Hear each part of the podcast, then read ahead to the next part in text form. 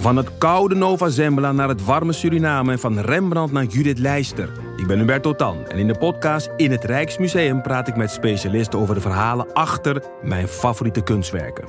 Nieuwsgierig? Beluister nu de nieuwe afleveringen. In de podcast Radio Romano met Noortje Veldhuizen Met Marcel van Roosmalen. En met Roelof de Vries. brengen we alle drie elke week een zogenaamde signalering mee. Wat heb jij nou weer bij je? En aan het eind bepalen we wie de winnaar van de week is. Echt een angstcultuur Lege huls die je er bent? Ja, dat gaat eigenlijk altijd onvriendelijk. Luister nu naar Radio Romano bij Podimo. Via podimo.nl slash Radio Romano luister je 30 dagen gratis. Ja? je moet wel bij mij houden. Ik vind, het nog, e- ik vind het dus enger. Ik had liever gehad dat jij auto reed, dan dat je mijn microfoon in je handen houdt. Vertrouw je mij niet? Ja, ik vertrouw... Ja, nee.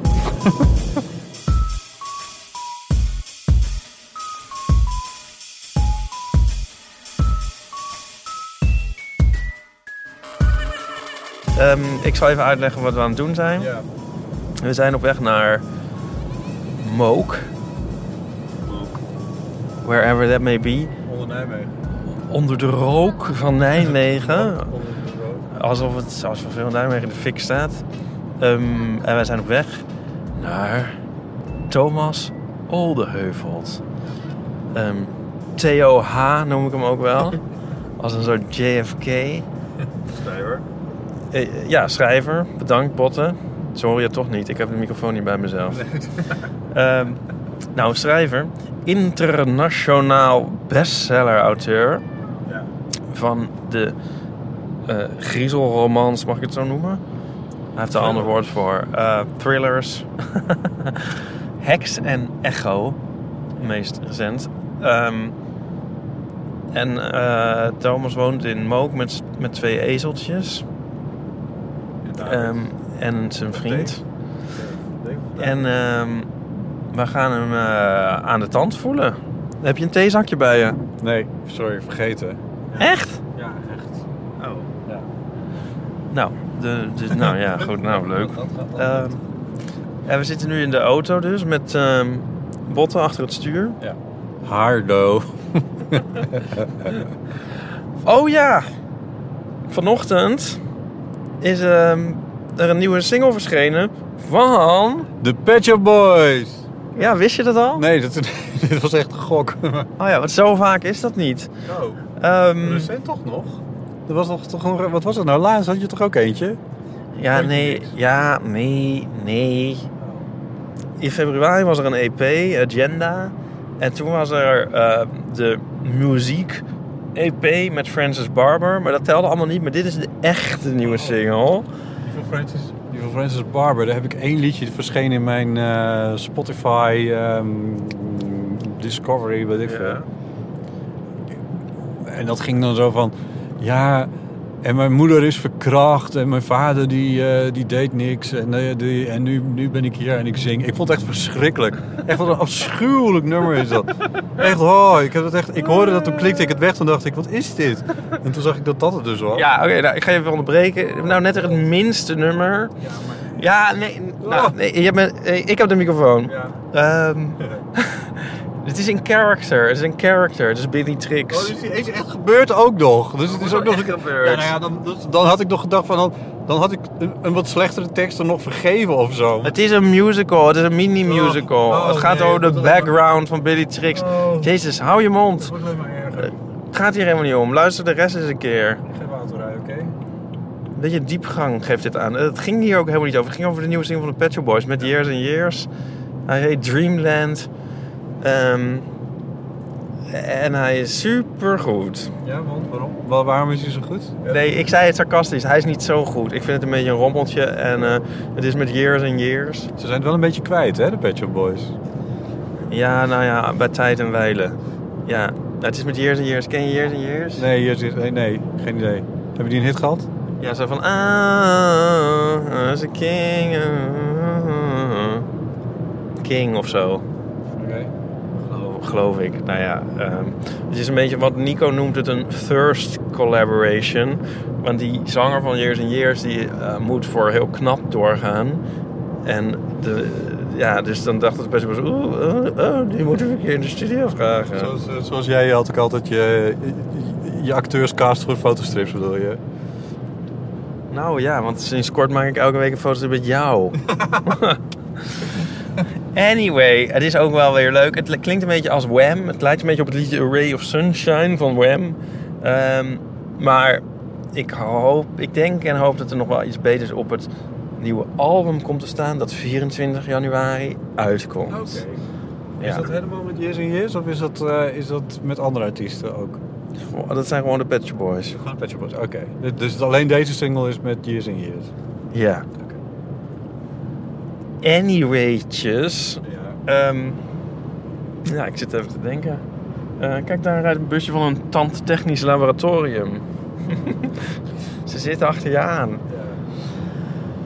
Eh, Thomas Oldeheuvelt. Ehm, misschien moeten we ons gewoon maar weer melden als we in eh Mook zijn. Of zal ik de Egel nieuwtjes doen? Dan hebben we dat alvast gehad. De Egel-nieuwtjes. Ja, dat is goed. Egels. Egel. Ehm, ten eerste nog dat... Tinkerbell zei vorige week nog dat zij ook een egel had gered. Of ook. Gered? Dat zei ze toch? Eh, oh ja, ja, ja. ja. Maar wat, zei, wat was het nou ook weer het hele verhaal? Ze had een egel gezien en die Ja, had dat, ze dat kunnen mensen gewoon opzoeken. Dan kun je even naar die aflevering luisteren. van het fiets... Nee, dat zit er niet in. Dat zei ze toen het af was. Oh, oh ja. Ze zei volgens mij dat ze een egel op het fietspad zat, eh, zag en die heeft ze toen in het park gezet of zo. Oh ja. Weet ik veel. Jezus, je hebt gewoon weer een hele factsheet heb je. Ja, wil je niet, niet, niet niks zeggen als de microfoon niet jouw kant uitwijst? Want dan, jij moet het zelf dan straks weer gaan ophalen. Ja, ja, ja. Wacht, je mag nu iets zeggen. Ja, nee, ja, mooi. Oké, gaan we verder. Ja, egel, ja. Ehm, even kijken, ik heb al een paar keer gezegd, maar nu komt het wel heel dichtbij. Het Egel Weekend. 14 en 15 september. 14, 5 september. Het Egel Weekend 2019. Ja. Tijdens dit Egelweekend roepen de Zoogdierenvereniging en de Egelwerkgroep Nederland iedereen op om egelwaarnemingen door te geven. Bijvoorbeeld uit eigen achtertuin of buurt. Deze waarnemingen dragen bij aan onderzoek naar de egel in Nederland. De eerste landelijke egeltelling was tijdens het jaar van de egel in 2009. De jaren, 2000 egel. Negon. De jaren erop is het Ego-weekend een jaarlijks terugkerend evenement. Dit jaar dus alweer de tiende landelijke egeltelling. Jij doet toch ook weer mee? Nou, Nou, als je een egel in je eigen tuin ziet, dan moet je naar www.tuintelling.nl en dan kan je daar eh, dat doorgeven. En als je een egel ziet buiten je tuin, dan ehm, moet je naar, eh, waar moet je dan eigenlijk heen? Naar bit.do slash meld een egel. Wat? Ja, dat staat er. Of naar, naar waarneming.nl. Daar kan je dat dan doorgeven. En het, dan geef je een waarneming eventueel met foto door. Het mag ook gaan om pootafdrukken of egelpoep. Ja, hallo. Daar maken ze het wel heel makkelijk vanaf. Ik bedoel... En bovendien dan krijg je dubbeltellingen. Want dan heeft jouw egel heeft in jouw tuin gelopen. En de tuin van de buren. En de tuin van die buren. En dan wordt hij verderop wordt hij echt geteld. Wordt hij gezien. Maar dan heb je zeg maar een spoortje. En hoe- hoeveel egels, hoeveel egels telt dat dan? Wat denk je dat de mensen hier niet over nagedacht hebben? Ja, dat denk ik. Dus- Oké, fair enough. Nou, hè, maak je het daar nou maar niet druk om. Eh, geef, ga gewoon eh, lekker egels tellen dit weekend. Ehm, wat had ik ook alweer nog meer? Oh ja, Dit weekend? Is dat dit weekend? dit weekend. Oh ja, ja 14 nee, nee, je 15 hebt gelijk. Ja, ja, ja. ja. Ja. Zijn, er nog, zijn, er, zijn er nog bijeenkomsten? Ga jij nog, eh, ga jij nog, ga je nog een seminar? Heb je nog een egelseminar? Nee, ik heb het een beetje druk dit weekend. Oh ja. Slakkenkorrels. Maar wacht. Wat? Ga je dan wel tellen? Oh, Iver. Je gaat niet eens tellen, hè? Hoezo tellen? Joh, ik, ik, ga gewoon, ik hou gewoon mijn ogen en oren open. Ja. Nou, en als ik er eentje zie, dan geef ik het door. Eén. heb, je, heb je trouwens überhaupt ooit... Ja, je hebt, ik weet dat je een keer twee egels tegelijk hebt gespot. In Duitsland, onder een heg. Ja. Maar heb je ooit meer dan één egel tegelijk gezien? Ik bedoel, ja, twee dan, maar... Deze rubriek begint een beetje een strijd te worden. Waarbij jij voortdurend allemaal soort Ja, sarcastische vragen en opmerkingen plaatst. Ja, of ja, maar nee, maar ja. Ik bedoel, hè, dan, telling suggereert toch ook dat je er op een gegeven moment een stuk of 10, 12 kan hebben. En Dat is, Met we tellen dus met elkaar als Nederland, tellen we met elkaar de egels. Ik hoef, je hoeft niet, het is niet één iemand die ze allemaal moet tellen in Nederland. Zo werkt het niet, nee. nou, Oké, slakken, slakkenkorrels. slakkenkorrels. Is slakkengif Oh. giftig voor egels? Dat is het nieuws. Nou, dat, dat staat in de, in de egel nieuwsbrief. Ehm, nou, verschijnt hij. dat weet ik nou ook weer even niet. Maar daar kan je gewoon voor opgeven op... Eigenlijk eh, heb ik me gewoon ten doel gesteld om je allemaal vragen te stellen waar je het antwoord niet Ja, maar jij, hoe moet ik weten hoe vaak een nieuwsbrief verschijnt als jij niet weet, Botte, Hoe je telt. wat, wat voor dag het vandaag is? Ik weet dat het woensdag is. Ja, nu wel, maar net was het zo van wat voor dag is het vandaag. En ik vind dat niet gek. Ik weet ook niet wat voor dag het vandaag is. Ja, tenminste, het is woensdag omdat we het er net over hadden, weet ik het nu. Het is woensdag, Ja. woensdag 11 september. Wie Ja, dat... ga, ga je nu in die, in die auto boren of ga je opletten? Je bent toch dood? Ja, maar ik bedoel, ehm, Nee, je hebt gelijk ook. Ik ga me niet mee... Ik ga even wel verder. slakkengif. Ehm, nou, even kijken. Dat is dus inderdaad niet goed. Voor egels. Ehm, ja, het is, eh, eh, als ze dat binnenkrijgen, dat Nee. eh, is niet gezond. Maar Eet het zelf ook niet op. eet het zelf ook niet op. Het is ook wel weer moeilijk om zoveel slakkengif binnen te krijgen voor een egel... om er nou ook echt aan dood te gaan. Oh, dus je kan eigenlijk... Maar het kan wel. Oh. Ja, wist jij, Botte, dat er slakkengif bestaat onder de naam Escargo? grappig, hè? Je zou het er bijna voor kopen, zo grappig. Ja. Maar doe dat nou Doe niet, dat niet. want slakkengif is gewoon gif. En het is slecht voor het milieu en niet alleen voor slakken, maar ook voor heel veel andere dieren. Ja. En, sterker nog, egels eten slakken.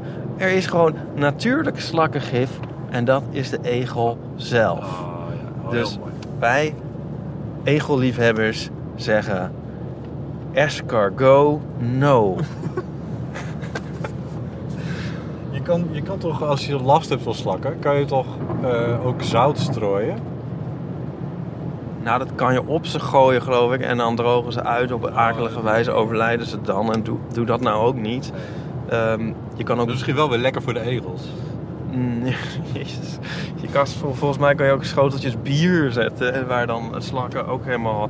Maar laat die slakken gewoon. eh, en ehm, zet je tuin open voor de egeltjes. En eh, dan is iedereen blij en gelukkig. Ehm, Heb je nog meer weetjes? volgens mij was dat dit, voor dit voor dit keer. Ja, ik kan nog iets zeggen over die robotgrasmaaiers. Oh ja. We hadden het al eens eerder over die robotgrasmaaiers. Ja. Ehm,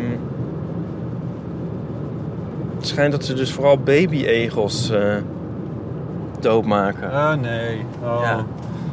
Ja. Of is het alleen maar om het extra zielig te maken? Nee, want ik dacht ook al wel steeds van, ja, hoe zit dat eigenlijk? Want zo'n grasmaaier, als die, die egels zijn toch ook best wel grote dieren eigenlijk. Ja. 13 centimeter bij 13 centimeter.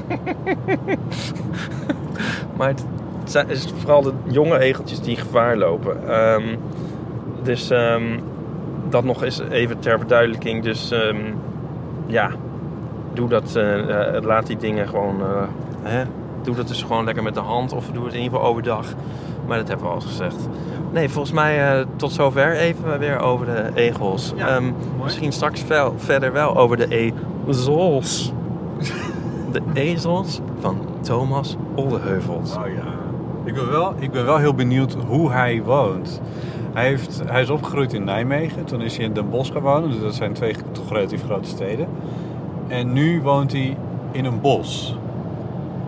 Ja. Dat vind ik nogal een keuze. En ik ben eigenlijk wel benieuwd hoe dan iemand die eigenlijk zijn hele leven in een grote stad heeft gewoond...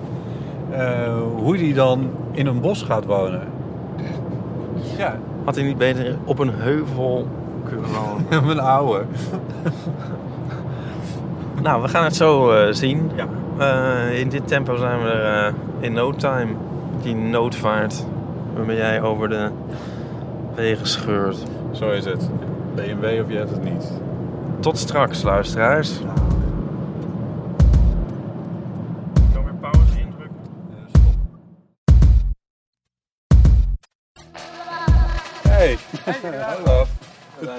Ging open, dus we dachten we rijden maar door. Hij ging over vanzelf. Maar dat- Hartstikke goed. dat heb jij dan misschien opengezet toen je Het zou eh, zomaar kunnen. Hoi. Hey. Hoi. Ah. Eh, Lekker ja. Ja. Ja, ik vind een beetje geluid vind ik niet erg hoor. Mag ook wel open blijven. Maar... Ja, daarom zei ik kraakt wel heel erg. Dus, ja, laat maar. Maar kra krakende deuren past Ja, dat past natuurlijk wel Dat weer. helemaal bij jou Ja, inderdaad. precies. Ja, dat is natuurlijk ook wel weer leuk. Ja. Ja. Ik, eh, eh, Thomas, ik, ik, ik weet niet of je dat herinnert, maar ik heb jou al heel lang geleden een keer ontmoet. Ooit bij een VPRO-bijeenkomst. Je weet het nog. Ja, in Amsterdam. Kleine Ja. comedie, toch? De, de, dat goed? Ja, nee, het was niet de kleine comedie. Dat was, eh, was wel daar in de buurt, in de NES. Ja, ja, in de NES. De VPRO bestond volgens mij 85 jaar of zo. elke podcast ga- begint met dat jij de gast al een keer... of eigenlijk zijn wij hier te gast, maar goed... kent Ja. van iets van de VPRO. Dus hij kent iedereen en jij kent niemand. Ja. Maar eigenlijk was dat niet, dat was niet op mijn konto, want dat was eh, Maarten Westerveen. Ja. Die wilde... eh, er was al een heel programma rond boeken. En eh, Maarten Westerveen die, eh, die leek het leuk om nou eens een keer ook buiten het typische VPRO eh, Ja. boeken...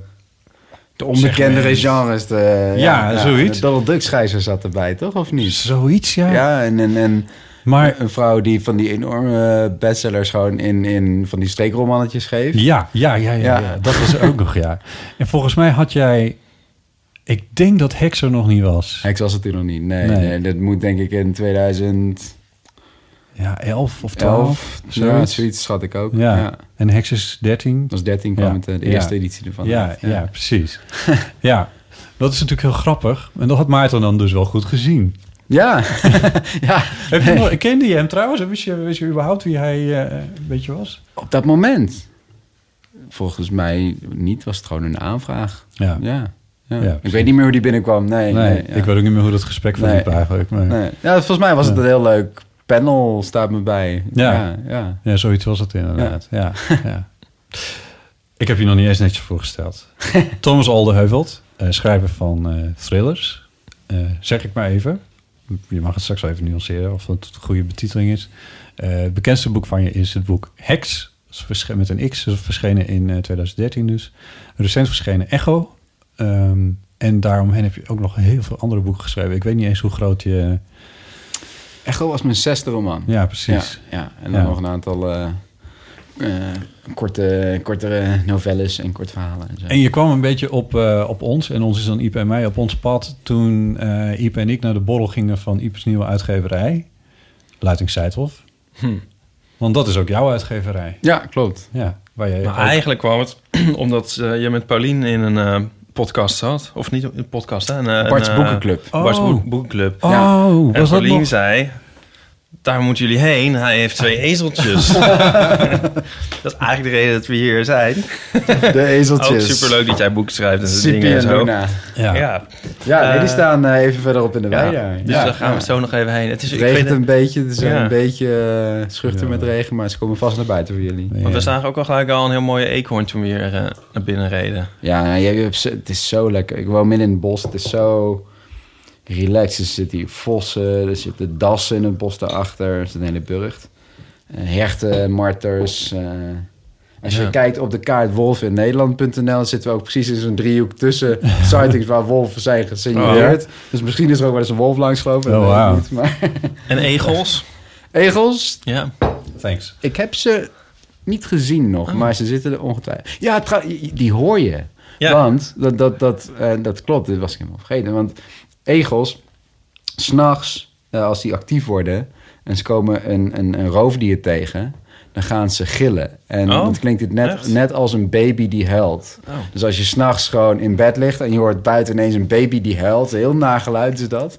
De eerste keer dat ik het hoorde, toen ik hier net woonde... ook echt zo, "Ugh, wat is dat voor, voor iets? Maar dat zijn dus gewoon egels... die Oh, wow. eh, zich schrap zetten voor een eh, voorbijkomende vos. Oh, oh ja. Want als ze seksen maken ze ook eh, grappige geluiden. Ja. Dat, eh, Zoals eigenlijk ook. zo zeggen eigenlijk elk Elk dier. Wie niet? Ja. Ja, het, eh, want Ipe is namelijk ambassadeur van de Egelwerkgroep Nederland. Ik zeg het er maar even, waar? Want het komt niet helemaal uit het niks vallen dat hij nu over egels Nee, praat. dus ik toch, moet het toch even noemen. Ja. Ja, het is ook, ik vind het een beetje een tv-show op reis dat wij hier nu zijn. ja, Ja, ja, ja, ja, is wel een klein beetje het geval. Ja, maar dan, dan moeten we nu dus ook een hele rondleiding doen. Dat, ja, een beschrijving dan- van het huis. Maar, nou, dat lijkt me dan op zich wel weer leuk. Ja, Kun je beschrijven wat deze... Want je hebt nu de omgeving beschreven. Het is inderdaad een bos. Ja. Eh, op de Mokerheide. ja, dus dat is... eh, zeg ik onder Nijmegen? Ja, ergens... eh, Richting Duitsland. A9 Inderdaad, ja. Ja. ja. Grens eh, kun je heen lopen hier inderdaad. Ja? Ja. ja. Ehm, nou ja, het is, een, het is een huis wat glas heeft aan alle kanten. De, de, de tuin en het bos die komen... Die kruipen letterlijk naar binnen. En dat- dat vind ik er zo lekker aan. Je leeft heel erg buiten. Je maakt de seizoenen zo actief mee hier. Ja. En elk seizoen is mooi hier. Ja. Of het nou herfst is of winter of lente of zo. Dat maakt niet uit. Het is allemaal... Je zit heel dicht op de natuur. En dat geeft echt een enorme rust voor het schrijven. Nou, we hebben heel lange ramen en een verdieping die in het huis hangt. Dus onze slaapkamer, die heeft ook glas aan alle kanten. Je kijkt daar rechtstreeks langs die glazen ruiten naar beneden het bos in en de tuin in. En dan zie je inderdaad de eekhoorntjes voorbij waggelen en zo. En nootjes begraven, met allemaal walnootbomen verderop daar. Ja. Dat, eh, ja, het is, heel, het is heel idyllisch wonen. Ik ben heel... eh, ik zou niet graag weer de stad in... eh Nee, want daar kom je vandaan. Tenminste, Ja. je bent opgegroeid. Opgegroeid in Nijmegen, Ja. in, in, de- in de buitenwijk van Nijmegen. Ehm, ook wel een groene wijk. Maar mijn, mijn opa en oma woonden in dit gebied hier. Die woonden in een huis aan de overkant van een stuk Ah, bos hier. Dus je kent het hier dus ik ken, al heel ik ken goed. het gebied goed. Ja, ja. en het, het voelt heel erg als thuis. Ja. Ja. En ik heb tijd in Den Bosch gewoond, in de Ja. binnenstad ook, vlak onder de Sint-Jans-kathedraal. En helemaal lyrisch van het getingel van die bellen de hele dag door. En wel een heel leuke organist daar, die speelt allemaal jazz en die speelt allemaal Sinterklaasliedjes rond Sinterklaas en zo. En, en, Maar op het carillon? Of op, ja, eh, op het carillon oh, van die, eh, van die, die Oh, kerkbellen. Eh, zij was wel modern. Ja. Maar, ehm nou ja, het- ik hou van de rust. Ik wil gewoon lekker gewoon geen energie van mensen om me heen als ik ga schrijven en zo. En, Nee? Dus nee, nee. Ik, eh, je, je, hebt, je hebt veel schrijvers die schrijven in cafés of in vliegtuigen of op tournee. Of, eh, ik niet. Ik wil echt eh, me afzonderen. Ja. Want dat eh, Echo, daar heb je nu best wel... Er zit best wel veel tijd tussen Hex en Echo. Ja. Maar dat komt ook eigenlijk misschien omdat je die rust niet helemaal kon eh, vinden door het succes van ja, eh, kijk, Hex. hè, van eh, die publicatiedatum van 2013 vertekent een beetje. Want inderdaad, in, in 13 kwam het boek Hex voor het eerst uit. Maar pas in 2016 ehm, brak het echt door. Want toen verscheen de Amerikaanse editie. Ehm, eh, toen, daarna heeft mijn Nederlandse uitgever opnieuw uitgegeven in Nederland met een veranderd einde. Want ik had voor de Amerikaanse editie het einde herschreven. Sterker gemaakt, vind ik zelf. Eh, daarom wilden ze dat ik dat terugvertaalde. En, en toen is het boek pas opgestegen in Nederland in, in 16. Dus toen, ja, toen kreeg je die tweet van Stephen King daarover. En ik Ja. ben op tournee geweest in Amerika. En, en daardoor ging het hier lopen. Ja. En, En wat, wat was dat gat dan, die drie jaar? Kwam dat echt door die vertaling en het andere einde? Of? Nou, ehm, de rechten van Hex werden in eh, najaar 2013 verkocht aan een Amerikaanse en Britse uitgever. Dus in 13 toen het boek uitkwam hier, die zomer heb ik het gewoon hier gepromoot en in het najaar op even- evenementen en zo, zoals Ja. ik altijd deed, vrij kleinschalig. Ehm, ik was toen ook, het was in Brighton in Engeland op een grote conventie waar we die rechten verkochten met mijn Canadese literaire agenten. Eh, steeds allerlei meetings met allerlei uitgevers. Van, eh, ik kreeg steeds een appje van eh, Sally Harding heet ze. Is mijn, is een, is een fantastische agent. Zij tegenwoordig onder andere John Irving in de Verenigde Staten. Zij is Nieuw-Zeelandse. Woont in Vancouver. Geeft een fantastisch accent. En ehm, ze stuurde elke keer een appje van... eh, oh ja, we ontmoeten nu eh, Harper Collins in de lobby hier. Kom, eh, kom dan maar snel even hier en don't talk business, just smile, weet je wel. Van, en daarna was het uh, Hachette. En toen was het Holder en Stoten. En toen was het weer die. En, en, ehm, en ja, dat was echt een, een, een, echt een wereld die open ging voor Ja. me. Maar tussen het moment dat die rechten werden verkocht en 2016... heb ik het boek eerst herschreven naar een Amerikaanse setting. Het speelt, de Nederlandse editie speelt zich in Beek Upbergen af hier bij Nijmegen. Maar eh, de Amerikaanse editie in Black Spring, New York. Een eh, soort Amerikaans equivalent van Beek Upbergen. Ja. Was dat moeilijk? Ja, nou, ik, ik, ik heb... Het schrijven van Hex du- eh, kostte me vijf en een halve maand. Maar het herschrijven bijna een jaar. Ah ja. Omdat het is veel meer dan alleen de naam en de plaats die je verandert. De hele culturele inslag wordt anders. En die, de Hollandse nuchterheid die erin Ja. zat... wat het boek juist zijn uniekheid gaf... dat wilde ik er wel inlaten. En dat heb ik ook gedaan. Maar inderdaad, eh, ik zat heel dicht met de vertaalster ook. hebben heel veel samengewerkt. Zij heeft het vertaald en ik heb het eigenlijk herschreven in mijn voice in het Engels. Maar hebben jullie dat als een soort simultaan gedaan? Je hebt het eerst in het Nederlands weer gesitueerd in Amerika. Ja. En zij het dan weer vertaald. Zij heeft het vertaald en daarna heb ik de vertaling bewerkt. Ja, en ja. zij mijn fouten hersteld. En ja, ja. Grappig. Er zijn eigenlijk echt tig versies van. Ja, oh ja, absoluut. Ja. maar die Nederland, eigenlijk die, die jij voor de, in het Nederlands hebt gemaakt voor de Amerikaanse markt, die is dan niet verschenen, zeg maar, in die versie. Nee, nee dat is ook wel weer nee, interessant. ja, dat is een, het ligt alleen in de kast. Ja, ja. Nou ja, en ehm, nou ja, het is een heel organisch proces geweest. Daardoor is het echt... Het is hetzelfde boek en tegelijkertijd is het een heel ander boek geworden. Eh, het is hetzelfde verhaal, hetzelfde... eh, Plot. plot, Ja. eh, drama die erin zit. Alles, alles is hetzelfde. Personages ook, maar ze, hebben, ze zijn gewoon veramerikaniseerd. Ja. En, het, en want de filmrechten zijn ook verkocht. Ja. Of, of er komt een serie van, of niet? Of een TV-serie, ja. Ja. klopt. Ja. Ja, eerst een, eh, aan Warner Bros. toen, in 2014 ook. eh, toen die rechten net waren verkocht. Volgde dat. En, en toen duurde het nog twee jaar voordat het boek überhaupt verscheen. Het was puur op een elevator pitch was het verkocht aan Warner Bros. En ehm, dat was leuk. Alleen wat, wat je krijgt met dat soort grote bedrijven... die kopen van heel veel boeken de rechten op. En die doen er dan niet zoveel mee. ja. En tot het laatst aan toe zat Sally te hopen eigenlijk van dat ze er niks mee zouden doen. Want na twee jaar zouden Oh, die ja. rechten weer terugkomen bij ons. en dat was net het moment dat Hex verscheen in de Verenigde Staten. ja. En toen kreeg het de hype mee. En eh, met die tweet van King, met, met alles wat er Vertel daarna- even wat dat was. Want dat is, wel, dat, dat is denk ik niet voor iedereen helemaal bekend. Nou ja, nee, het, boek verscheen ehm, in mei 2016 en of nee, eind april 2016. En mijn Britse uitgever is ook de uitgever van Stephen King in Groot-Brittannië. En zij hadden hem een advanced reading copy gestuurd, eh, omdat ze hoopten dat hij het aardig zou vinden, omdat het een boek is natuurlijk in zijn genre. Dit is een horrorroman eigenlijk. Ja. En eh, ik, nou ja, ik ben opgegroeid met Stephen King. Ik heb hem echt Ja. gelezen sinds eh, eh, mijn elfde verjaardag, geloof ik zo ongeveer. En, ehm, In de boekenkast achter ons staan twee, in ieder geval twee planken vol met zijn boeken. ja, bijna drie geloof ik. Ja, drie. ja. ja, nee, ik weet nog goed van, ik was elf jaar en toen... ik- kende al die achterflapteksten uit mijn hoofd. Ik mocht ze nog allemaal niet lezen. Mijn moeder vond het te eng en terecht waarschijnlijk. En toen had ik een heel goed rapport en mijn moeder had zoiets van... ja, op een gegeven moment ontkom je er toch niet meer aan. Dus oké, dan mocht ik er twee uitzoeken. En eh de ene, ze dacht die wel meevallen. De ene had een clowntje op de voorkant en aan de andere kant een kat, een poesje. en dat waren It kan en Pet? Cemetery. Is de meest twee duistere boeken ooit voor kindermoord en weet ik veel allemaal. die, dus die las ik toen ik elf was. Ehm, ja, en toen was het verkocht. En ehm, hoe dan ook, het idee dat mijn Ja, maar even, want hij, hij tweette erover, King. nou, daarom het idee dat Ja. mijn, mijn boek bij hem op zijn nachtkastje lag alleen al. Dat, dat, dat vond ik iets waanzinnigs. Ja. En, en mijn Britse uitgever had nog gewaarschuwd van ja, reken er niet te veel op. Want eh, ze sturen wel vaker eh, boeken op waarvan ze hopen dat hij er iets van zegt. Ja, want dat zou dan een leuk blurpje kunnen worden. Precies, dat kun je dan op de cover zetten, Ja, weet je wel. Dat, eh. Nou ja. Ehm, maar hij zei ja, laatst hadden ze ook een, eh, een, een soort bovennatuurlijke thrillernaam opgestuurd... waarvan ze dachten dat is helemaal zijn ding. En publicatiedatum kwam dichterbij en ze hoorden maar niks. En eh, op een gegeven moment hebben ze een mail gestuurd van... ja, Steve, did you get a chance to read it? En kreeg ze een heel korte mail terug. Yes, I read it. Oeh. ja, Die wilde niks over zeggen dus. Ehm, dus nou ja, Hex verscheen en hij had niet erover iets laten weten. Dus we dachten van ja, het zal wel niet.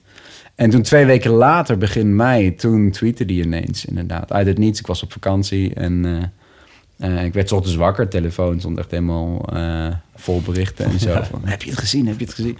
Maar dat was wel, ja, dat was wel een uniek momentje. Dat gewoon mijn eigen jeugdidool over mijn boek Ja, sprak. want Ja. dan bracht je in Nederland in ieder geval bij de Wereld Draait Door. Ja, Maar wat betekent het internationaal als Stephen King zegt dat je boek, dat je boek goed is? nou ja, kijk, ja, de, die, de endorsement was e- echt fantastisch. Ja, het is totally brilliantly original, weet je wel. Veel beter kun je het niet krijgen, zeg maar. En, en, en de- iedere uitgever internationaal heeft dat gewoon natuurlijk op de cover van het boek gedrukt. Ja, dat, Ja. dat doen ze. Het is gewoon Ja. commercieel. Ehm, en ik, merk, ik merkte het, eh, vorig jaar was ik eh, in Montpellier in Zuid-Frankrijk op een signeer eh, sessie op een literair festival. Heel leuk, Frans Marktplein, allemaal eh, Nederlandse auteurs eh, waren uitgenodigd. En ik bedoel, in Frankrijk, ja, niemand kende mij, maar iedereen ziet die eh, tweet van King op het boek gedrukt staan. Iedereen pakt het boek op. Ja, dat, is gewoon een popculture icoon. Iedereen kent hem. En mensen die van spannende boeken houden, die, die gebruiken hem ook als een soort referentie van dan zal het wel goed zijn. Eh, dus je, je zag gebeuren dat er heel veel mensen pakken dat boek daardoor op en nemen Ja. het mee. Ja. Ja. Daar ben ik, hem ontzettend dankbaar voor. Ja, dat kan ik me voorstellen. Ja. Ja. Maar even afgezien van het feit dat het je jeugdidool was... die dan ineens jouw werk heel tof vindt. Ik bedoel, dat is toch ongeveer het hoogste wat je ongeveer kan bereiken. Lijkt me Ja, nee, dat klopt. Ja, Ja. dat moet bijzonder zijn. Heeft, Ja, hij- eigenlijk ook iets over echo gezegd? Nou, het is nog niet vertaald. Het Ah, wordt- oké. wordt nu vertaald op dit moment. Ja, Ja. ja. ja. Ja, want we waren bij die, bij, die eh, eh, bij Warner Brothers. Ja, klopt. Nee, want inderdaad, ehm, net op dat moment dat King tweette, toen kwam eigenlijk, eh, kwamen die rechten bij ons terug. En sindsdien, zegt Sally, er is geen week voorbij gaan dat er niet een of andere filmmaatschappij of filmmaker aanvraag doet aan, aan Hex. Omdat het, het boek heeft in Amerika ook gewoon goed gelopen en, en, en het is wijdverspreid. En, en, en ehm, we hebben, wij konden eigenlijk kiezen op dat moment waar we voor wilden gaan. Een van degenen die toen bood op Hex eh, voor de filmrechten eh, bleek achteraf. ehm, eh, hoe heet die Pipo van eh, eh, waar de hele hashtag MeToo-beweging mee is gestart? Oh, Weinstein. Weinstein, ja, Harvey. Ja, precies. Die, die, heeft, die, die hebben het toen Ah. Oh my God. ermee bezig gehouden. Wij zijn heel blij dat we daar toen niet op in zijn gegaan. Dat was leuk geweest. Ja, nee, nee maar ehm, wij geloofden heel erg in een filmmaker, die Gary Dauberman. Dat is een Amerikaans scenario-schrijver die de hele Conjuring-series Oh ja. eh, heeft gedaan. Dat is een horrorfilmseries. Eh, en nou Stephen King's It, die nou eh, Ja. deze week toevallig weer eh, uit is in bioscoop deel 2. Ehm, hij heeft de scenario's daarvoor geschreven. En eh, hij is heel hot op dit moment in Hollywood. Eh schrijft van heel veel grote horrorfilms, scenario's. En hij heeft de recht gekocht voor de serie die van Hex. De scenario's zijn ook klaar. Eh, ik eh, mail elke dag, of nou, elke paar dagen met Gary van, eh, over, over de inhoud. Superleuk om daarmee bezig te zijn. Ik ben een soort consultant bij het project. Ehm, en ja, en het is, het is een heel spannend proces om dat van de zijlijn mee te maken. Ja. Zo. Wanneer Ja. moet het verschijnen? Nou, hopelijk in de loop van volgend jaar. Ze zijn nou met directors bezig. Ja. Het productiebedrijf zit er allemaal aan vast en zo. En, en ehm, zodra ze de director aan het project hebben gebonden... dat is bijna... dan kunnen ze naar de zenders toe. Dan kunnen ze naar HBO en Netflix, noem ze maar op. Eh, en dan gaan ze kijken waar de funding komt. Ehm, en eh, dan weten we meer als het goed is. Leuk zeg. Ja, het is, het is heel erg vet. Het is anderzijds ook altijd een beetje van... eh, je hebt daar gewoon, als je gewoon hier in Mook zit, zeg maar, heel weinig controle over. Ja. En je zou er meer controle over willen hebben of zo. Maar het is zo'n ver van je bedshow gewoon daar in Los Angeles zo. Dus nou ja, dan moet je Ja. maar vertrouwen dat het goed gaat. En ondertussen, eh, ik bedoel, je bent dus veel bezig met, eh met Hex nog steeds, maar ondertussen heb je ook gewoon Echo dat verschijnt, waar je natuurlijk ook je aandacht aan wil besteden Ja, en voor wil hebben, kan ik me voorstellen. ja, absoluut. Dat lijkt me dan wel ingewikkeld. Nou, daar lag de druk heel erg op. Ehm, ik was heel Ja, om het te schrijven bedoel je? Ja, dat, maar ook, ook gewoon dat ik gewoon heel zenuwachtig was van tevoren naar de reacties. Gewoon Mm. omdat als je met Hex zo'n ehm, zo'n boek hebt wat zo de hemel in wordt gelauwerd. Ja. Ik bedoel, de Volkskrant gaf het vijf sterren. Ehm, de, de, de, de Wall Street Journal, The Guardian, die spraken er lovend over, weet je wel. Ja. Eh, King dus. Dan, dan, dan, dan bevriest dat ook enorm. Omdat dan, En dan ben je ook benieuwd, ja, hoe ga je daar overheen? En hoe gaan de lezers dan het volgende ding vinden? Weet je wel? En da- daar heb ik wel eh, best, wel, best wel een worsteling mee gehad. Ja. En ehm, ja, dan moest, ik moest echt leren, mijn stem terugvinden en, en leren met die druk gedaan? om te gaan. Nou, ik heb met eh, mensen gesproken die verder zijn dan ik. Eh, gewoon raad gevraagd aan, aan, aan gewoon bevriend schrijvers. Van, van Paul van Loon tot Esther Verhoef tot eh, in Amerika met George R. R. Martin van Game of Thrones, die schrijver. Heb ik meegesproken, die ook met een lange writersblok kant inmiddels. Voor dit is een nieuwe... Ja. Door die serie heeft zijn boekenreeks ingehaald. De, ingehaald, ja, toch? Ja, precies. dit is ja, vooruitgeschreven op het boek. Ja, ja, baalt hij ontzettend van. Maar ja, kan er niks aan doen. De- nee, ik was daar eh, in 2016, toen ik op tournee was in Amerika, was ik bij hem in Santa Fe, New Mexico. Hij is daar eh, eigenaar van een bioscoop waar hij lezingen organiseert eh, voor schrijvers. En eh, toen vroeg ik hem daarna of hij nog echt bij die serie is betrokken. Eh, maar hij toen in zijn woorden, hij zei van, well, I should finish that damn fucking book. dus nee, hij, eh, hij probeert steeds het, terug naar het schrijven te gaan, maar ja. Ja. die druk moet zo hoog zijn met zo'n successerie. Ja. Dat is echt bizar. Ja. Ja, idioot. Ja. ja, dat is ook wel vreemd. Maar je bent er dus uitgekomen. Mhm.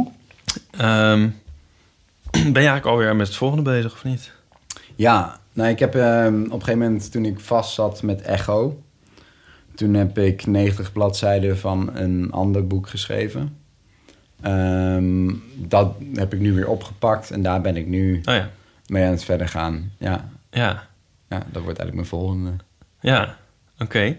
En Echo is wel weer eh, een apart geval. Of apart geval, zal ik het zeggen? Sowieso geval. aan Echo, zo moet ik het zeggen, is dat er een liefdesrelatie tussen twee jongens in eh, centraal staat. Mhm. Ehm, dat zal ook een bewuste keuze zijn geweest. Ja en nee. Ehm, het, het, het, ik, ik heb, ik heb er niet een, een, een boodschap mee, of ik heb er niet Nee. een doel mee. Van, van oh, ik, ik wil aandacht vragen voor of iets dergelijks. Dat, dat helemaal niet. Ik Nee. wil een, een spannend verhaal vertellen. Mhm. Ehm, en in dit verhaal, het gaat over obsessie, eh, over bezetenheid. En daar speelt liefde ook een rol in. Eh, en, en, en liefde is een heel belangrijk component van dit boek. Ehm, en in dit geval gaat het over twee jongens. Ja, en, en hoe, kijk hoe die liefde er precies uitziet. Dat moet uiteindelijk niet belangrijk zijn. En het ontstond zo omdat hè, van, het is het verhaal van een, een, een bergbeklimmer die zwaar gewond raakt in, eh, bij een klim in de Zwitserse Alpen. Een Amsterdamse jongen is dat. Die, ehm, ja, verminkt raakt in zijn gezicht. eh, komt thuis en is eigenlijk van overtuigd dat iets uit de bergen nog steeds in hem zit. Dat hij bezeten is geraakt. Dat Ja. is eigenlijk mijn, mijn, mijn exorcist verhaal eigenlijk. Maar dan een bezetenheid door de, een natuurkracht in plaats van door iets, een, een duivel of een demon of zo. En vond ik een mooi gegeven. En, en, maar vooral hoe het hem verandert, maar ook zijn partner. Omdat eh, ik ben zelf bergbeklimmer. En ehm, ik vind dat interessant gewoon... Want ik ben minder ambitieus bergbeklimmer dan dat ik vroeger was.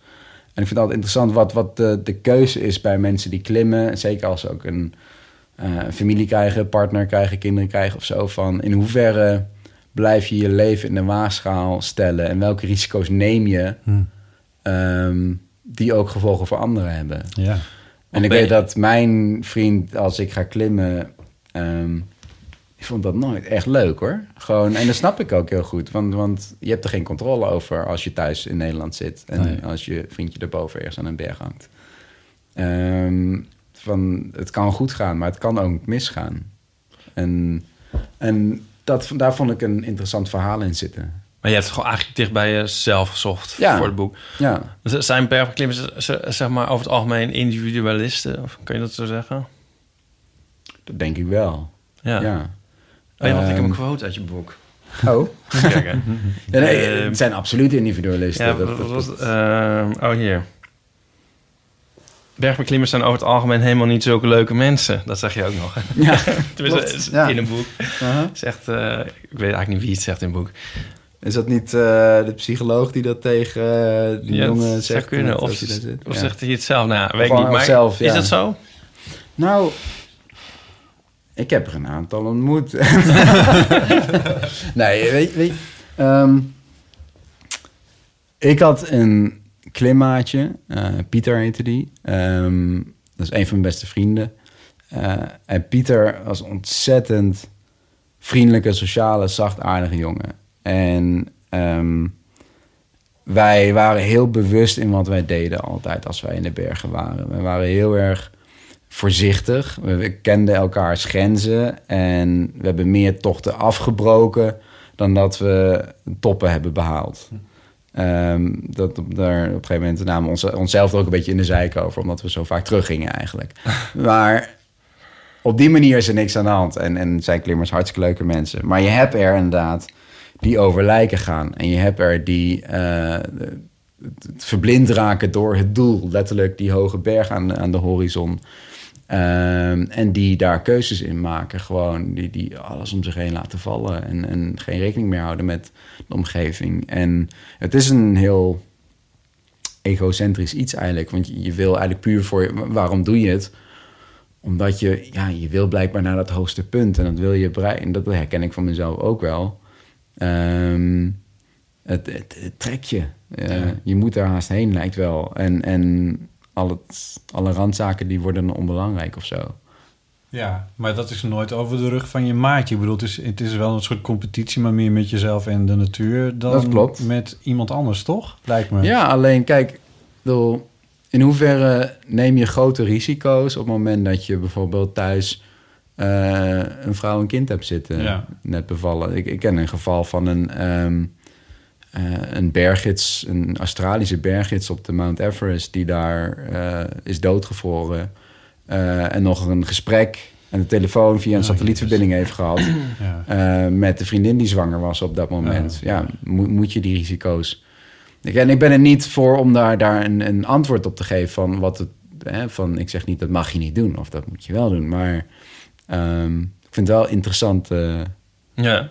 eh, dilemma's waar, waar, waar mensen mee zitten. Van, van in hoeverre neem je die risico's? In hoeverre kun je dat moreel verantwoorden? Is het bij jou in, in je nabije omgeving een keer misgegaan? Of met jezelf? Nou, ik, ik, ik heb ehm, behoorlijk wat dingen meegemaakt. En, ja, zeker. Nee, ik heb, nee, ik, ehm, we waren een keer, eh, mijn klimaatje en ik, op een berg in Zwitserland. De Piz Bernina heette die, ruim 4000 meter hoog. En je weet hoe het is als je een, je- een gletsjer over moet. Nee. Moet je dat doen? Ja, de eh, gletsjer, eh, dat is zo- zo'n tong van ijs, weet Ja, je wel. Er ja, zit spleet in, want het beweegt. Beweegt, ja. En die spleten zijn bedekt met sneeuw. En als je pech hebt. Dus dat en zie je niet. Die zie je niet. En je kunt ongeveer inschatten waar ze zijn, maar je kunt het nooit precies zien. En daarom moet je er voordat de zon erop komt, eigenlijk s'nachts moet je er overheen. Eh, in ieder geval voor het het middaguur. Want dan is het goed bevroren, inderdaad, die sneeuw. En dan houden we die sneeuwbruggen. Ben je later, dan zak je door de sneeuwbrug heen en dan val je in zo'n gletsjerspleet. En dan- ofwel als je geluk hebt, val je diep genoeg dat je dood bent. Ofwel je komt vast te zitten en dan vries je langzaam steeds vaster. Oh, nee. En dan word je doodgedrukt. Oh, nee. Eh, terwijl je het bewust meemaakt. Ja. Ja. Als je aan een touw zit, kun je al die dingen ook weer voorkomen. Ja. Nou moet je altijd aan een touw over een gletsjer. Ja. Eh, Schrijf je het allemaal op, maak je aantekeningen. Ja, ik neem het op. Ik neem het op. Oh, oké. Eh, maar wij waren dus eh, heel vroeg die gletsjer overgegaan naar een ijswand toe. We wilden een ijswand beklimmen. En wij zagen op die gletsjer waar wij klommen, eh, omhoog gingen, eh, in het donker dus, zagen we allerlei sporen van oude lawines liggen, van oude ijslawines. En inderdaad, eh, wij gingen een ijswand links op, maar rechts was ook een ijswand, 400 meter eh, er vandaan. Ehm, en daarboven hing een soort hangende gletsjer over die ijswand heen, waar continu stukken van afbraken. Oh, ja. Nou ja, dus wij dachten, oké, wij hebben het veilig gedaan. We zijn er snel overheen gegaan. We waren er, er onderdoor. Eh, voordat de zon opkwam, stonden we net in onze, onze ijswand. Met twee bijltjes hang je dan aan de muur en je stijgijzers erin. Mhm. Eh, een kwartiertje erin waren we. En ineens brak die complete ijswand aan onze achterzijde af. Oh nee. En met een, een, er kwam een soort fluitend geluid. En daarna een enorme zware dunk, weet je wel. Ja, ja, ja. En die echt het voelde in je beltjes. En toen kwam de hele wand naar beneden in een ijslawine. Oh en over het spoor heen waar we net eh, 20 Ja. minuten eerder hadden gelopen. Maar niet over jullie. Niet over ons, nee. nee. Maar we hingen daar aan die beltjes en we zagen die, die sneeuwwolken op Ja. onder ons. Ja. En ja, nee, dat was wel een, een, een creepy iets. Want dan weet je dat je door moet. En dat je, ja, want terug kan je niet meer. Nee, nee, nee. Nee. zo'n berg is altijd sterker. En al maak je de verstandige keuzes, dan nog heb je lang niet alle risico's in de hand. En dat is het griezelige eraan. En dan zul je ook zien van, hè, van eh, we hebben gewoon de top gehaald die dag en verder geklommen en een mooie tocht gehad. En hebben heel veel beklimming gedaan. En toen is Pieter eh, thuis eh, plotseling aan een hartstilstand overleden. Oh, Eh, dus zo zie je ook maar van... je, je hebt totaal geen controle over het leven, waar dan ook. Nee. Want eh, thuis kan het blijkbaar ook gebeuren. Ja. Ja. Ja. Maar blijf, jij, blijf jij dit wel doen nu? Of ben je ge- geminderd? eh, Of ga je nog steeds nee, bergop? ehm, ik heb ehm, sinds Pieters dood eigenlijk niet meer alpien geklommen. Eh, gewoon ook, ook omdat... eh, en we waren al aan het minder. Hij had kinderen gekregen. En, en hij is daardoor eh, ook minder actief.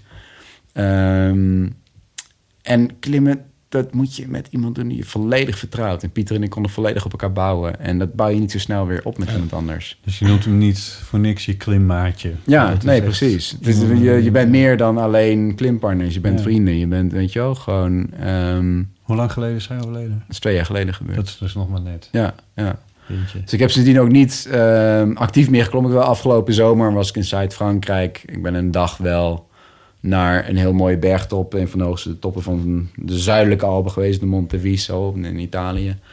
Eh, maar dat is meer klauteren. Dat, dat kon ik in mijn eentje doen, zeg maar. En dan, eh, dan is het gewoon een mooie bergtocht. Ja. Maar, Ja. ja. Nee, ja, die dingen, weet je, van dat dat... Dat is wat het leven is. En dat is ook gewoon waarom ik dit soort dingen schrijf. Van je, je zoekt risico's op je... Ook voor de thrill en voor de spanning. En, en, en, en ineens slaat het leven gewoon totaal onverwacht. Waar je het niet verwacht, slaat het terug met iets gitzwarts. Weet je Ja. wel? Dat, ja. Ja. Ja. En daar was je ook al in je vroege jeugd ook al... eh, heb je dat al meegemaakt? Want je vader is relatief vroeg overleden. ja, klopt. Ja. Dus het is wel... Ja, ik weet niet hoe je dat zelf ziet... maar zo is, is daar een beetje de toon gezet met voor je, je boeken, je werk? Absoluut. Ja, nee, ik heb... ehm, mijn vader was dus, eh 42, ik was net drie. Ehm, en toen liep hij een virus op. En binnen een week, of ja, anderhalf week was het gedaan. Dat Ja. als een ingewanden aangetast. We zijn nooit achtergekomen wat voor virus het was. Eh, maar ineens viel hij weg. En eh, hij was een heel gezonde, eh, eh, liep hard, liep halve marathons en zo. Ehm, maar de dood was daardoor voor mij iets, iets totaal ongrijpbaars... wat tegelijkertijd bij ons op zolder zeggen, ja. huiste. Ja. Iets zwarts, iets donkers, wat Ja. daar een soort donker hol... Heel dichtbij, daar- in ieder moment Precies, er zijn. wat naar beneden kon komen. Dus ik durfde op de gang beneden nooit in mijn eentje te zijn... of de wc door te trekken. Was ik bang dat ik het zou wakker maken of zo. Weet je wel, dat het de trap af zou komen en, en dat het mij kon grijpen. Ehm, ja, nee, die, die, de dood was iets heel erg... ehm concreet, iets tastbaars, iets visueels, wat, daar, wat er was. En ook waar je geen controle op hebt. Want blijkbaar kan het zo ineens iemand van wie je houdt wegnemen. Ja. Ehm, en dat heeft altijd wel ingeze- ingezeten. Gewoon het... het eh, en, en tegelijkertijd om, is iets waar je bang voor bent... is ook iets wat je fascineert. En als kind weet ik nog heel goed van... ik was eh, heel erg bang voor het ongrijpbare... en voor eh, meer, meer voor dingen die net over die rand zitten... van wat wel en niet kan, weet je wel. Of, ik zag eh The Witches van Roald Dahl. Die film zag ik in de bioscoop toen die uitkwam, net in 1990. Nou ja, echt een half jaar lang. En ik had het boek ook gelezen. maar Een half jaar lang nachtmerries. En ik vertrouwde geen vrouw meer, weet je wel. Het werd winter, al die vrouwen droegen handschoenen. Het was de heks in het boek. Nou ja, het is doodeng, weet je wel. Gewoon... ehm, en dan kon ik letterlijk een half jaar mijn moeder ervoor wakker schreeuwen dan. Oh, nee. Want ik zag ze letterlijk op de gang, die schaduwen van die vrouwen Ja, die dan natuurlijk. binnenkwamen. En zo, Ja, die heksen, ja. weet je wel. Ja. Ehm, Heb je nu nog steeds dit soort dingen, zeg maar? Dat je, w- kan je dingen... Vind je dingen eng? Of ben je nu zo mee Intuïtief bezig? wel, omdat volgens mij gaan dat soort dingen nooit weg. Ik bedoel, ik ben, ik ben, ik ben een heel rationeel persoon. Ik ben, ik ben, niet, ik ben niet gelovig. Ik geloof ook niet, niet, niet in de dingen waar ik over schrijf of zo. Eh, ik weet vrij goed wat wel en niet kan Ja. in het echt. En toch intuïtief, op het moment dat het licht uitgaat, dat je alleen bent. Maar niet, niet dat je het opzoekt of zo. Als je nu de nieuwe Stephen King leest of zo... of- of ik zag dat je naar, de, naar It 2 was geweest. Ja, Vind je dat dan eng? Of zit je meer te kijken van... oh, Nee, hij, dat- hij doet het zo en zo. Be- beide in, in dat geval. Maar ehm, kijk, een goede horrorfilm of een, goed, een goede horrorroman... die gaat echt onder je huid zitten. Mhm. En dat is de grens die je opzoekt, ook als schrijver ervan. En je wil onder de huid van je lezer gaan zitten. Je wil die, die pure emotie van angst kunnen oproepen. En En beleven als je het ondergaat. Daarom kijken we horrorfilms, daarom lezen we dit soort boeken. Daarom gaan we een achtbaan, weet je wel. Daarom zijn we allemaal gefascineerd door dingen die we eigenlijk liever niet zien. Of het nou gaat om een ongeluk op de snelweg... tot, tot eh, een documentaire over een massamoordenaar of wat dan ook. Weet je wel. Ze zijn allemaal op een bepaalde manier... triggert het iets in ons. En je kunt het heel veilig beleven, zoiets als, als je weet dat het fictie is. Dus, ehm, nee, ik was daar eh, absoluut in gefascineerd. Ik weet nog dat... eh, Maar jij hebt niet nu een soort professionele distantie... waardoor dat een soort afvlakt of zo?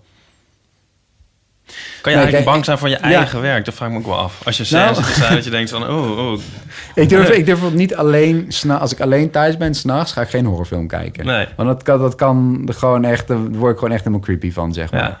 Eh, als iemand bij is, vind ik het veel minder eng. Ja. Als het licht aan is, vind ik het ook minder eng. Maar in het donker, weet je wel... Nee. Gewoon, dat, dat, dat heeft wel een effect. En dat moet ook wel. Wil het op je... Wil je het zelf kunnen overbrengen? Ik denk dat het bij mij... ehm, het, het, het, het zit er van jongs af aan in. En wa- wat hetgene is wat, wat het echt maakt... waarom je er echt bang voor wordt... is dat je ook weet dat soms... gooit het leven wel iets voor je... wat wel echt eng of bedreigend is... of wat, wat, wat, eh, wat je niet verwacht. En, en wat, wat je daardoor wel kan raken of schaden, wat nou ook. Neem de dood van mijn vader eerst. Of een paar jaar later, toen was ik zeven of acht... moest ik net als iedereen kinderpostzegels rondbrengen. Nou ja, eh, je weet hoe dat gaat. Ga je de deuren langs zo. Het was in Nijmegen zo'n galerij, zo'n flat. Eh, dus ik belde aan. Ik weet nog precies welke deur het is. Zou er zo heen kunnen lopen nu.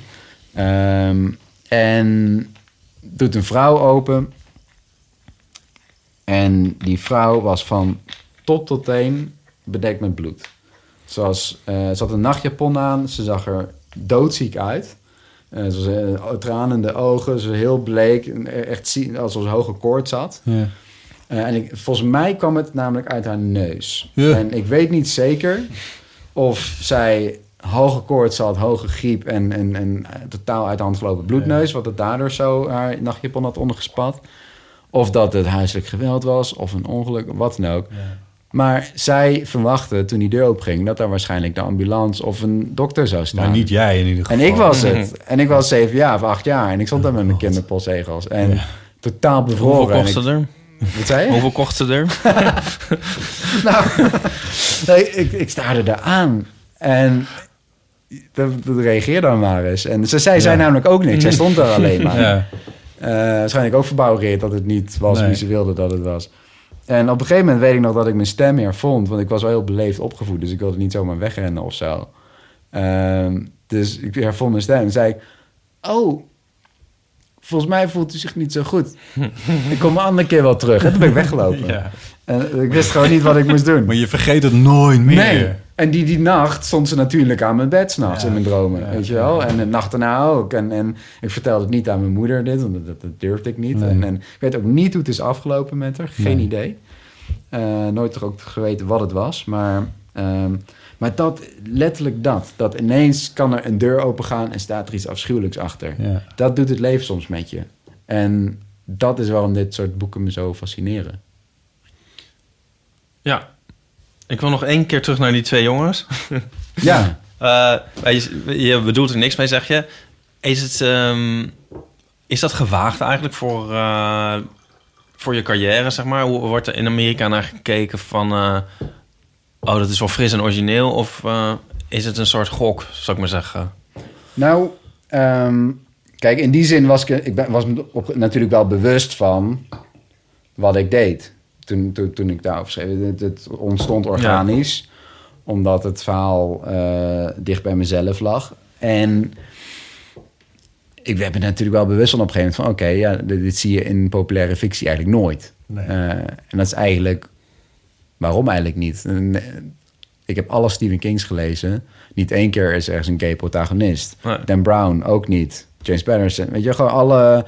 De, de populaire fictie, ehm, de blockbuster novels, zeg maar, die doen dat niet.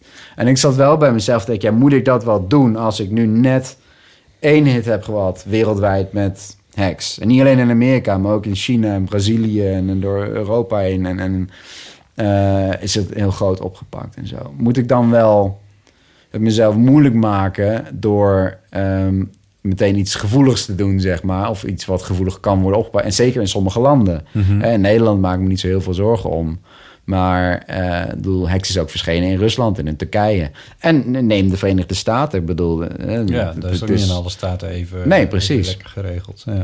Nou, ik heb eh, overleg natuurlijk met mijn agent en mijn uitgevers ook. Mijn Amerikaanse uitgever was meteen... We love this. We want to do this. Want, want, want ze, ze wachten ontzettend op dat dat gebeurt. Dat gewoon in de populaire fictie, mainstream novels... dat dat normaal is. En, eh, want, want Echo is niet een boek wat over gay issues gaat. Totaal niet. Het is een, een superspannend boek. Waarin het is vet, het is komisch. Waar toevallig... Mensen van hetzelfde geslacht Ja, met precies, elkaar ja. hebben. Ja. Het woord gay of homo komt er niet één keer in voor. Ehm, en dus dat, dat, dat wilden ze heel graag juist. Er zijn dus ook geen enkel probleem. Er is ontzettend veel vraag naar. De, de markt schreeuwt erom. Zeker ook gewoon, gewoon de, de jongere lezers, weet je wel. Die, die, die, en, en, want ik vroeg daarna van hoe zit het dan met... Hè, van, eh, het is niet alleen in eh, New York en San Francisco waar het boek verschijnt... maar ook in Alabama Ja. en in Arizona en zo. Ja, en dat was eigenlijk eh, over het geheel genomen gezien, het is natuurlijk geen gegeneraliseerd. Maar over het algemeen, de, het, het conservatievere, religieuzere gedeelte wat proble- problemen heeft met gay marriage enzovoort. Dat leest toch niet zo heel veel, zei ze. Dus dat is niet eigenlijk een. een zal eh, een snelle probleem ja, precies. Oh, ja.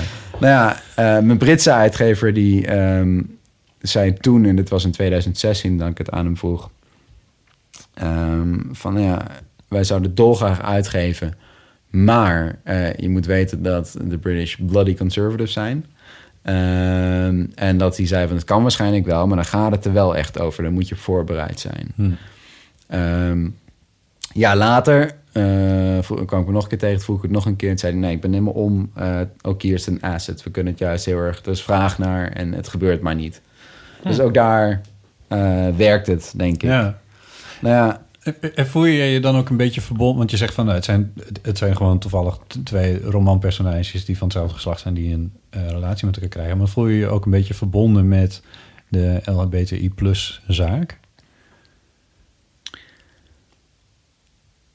Heel eerlijk gezegd niet, nee. Nee, nee en, en dat, en dat is puur omdat... ehm, eh, ik, ik heb nooit, nooit in, in wat voor community dan ook gezeten of actief ingemaakt, zeg maar. Van, eh, van ik, ik- vrij jong wist ik van mezelf, oké, ik val op jongens, oké.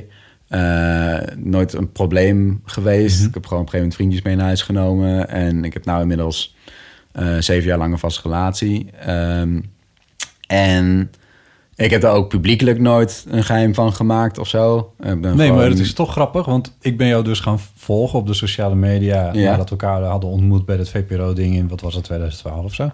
En toen heb ik me heel lang afgevraagd van, is hij nou wel of niet homo? Hoe zit het nou? Ja. Ik kon dat niet afleiden, echt jarenlang kon ik dat niet afleiden uit, uit jouw uitingen of hoe- je... Nou, weet, je wat, weet je wat het grappige is? Van, het is zo... zo dat- van vrij, eh, vrij vroeg eh, af aan... dat ik met mijn huidige vriend ben... heb ik gewoon foto's van ons online gedeeld. Ja. Eh, en het komische is, dan doe je dat regelmatig. En dan sta je één keer met een vrouwelijke fan op een foto. en dan vraagt iedereen dan, is that your girlfriend? Is that your girlfriend?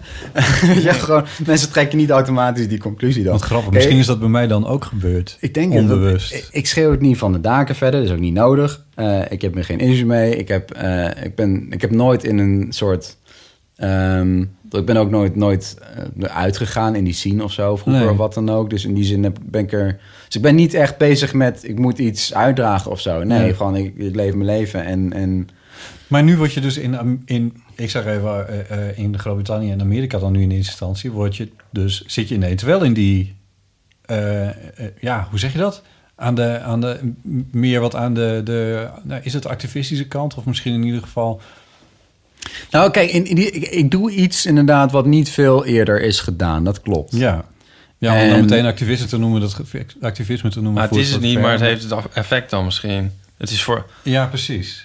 je komt er onbedoeld... Zou, je zou onbedoeld nu daarvoor aangezien kunnen worden. Als activist.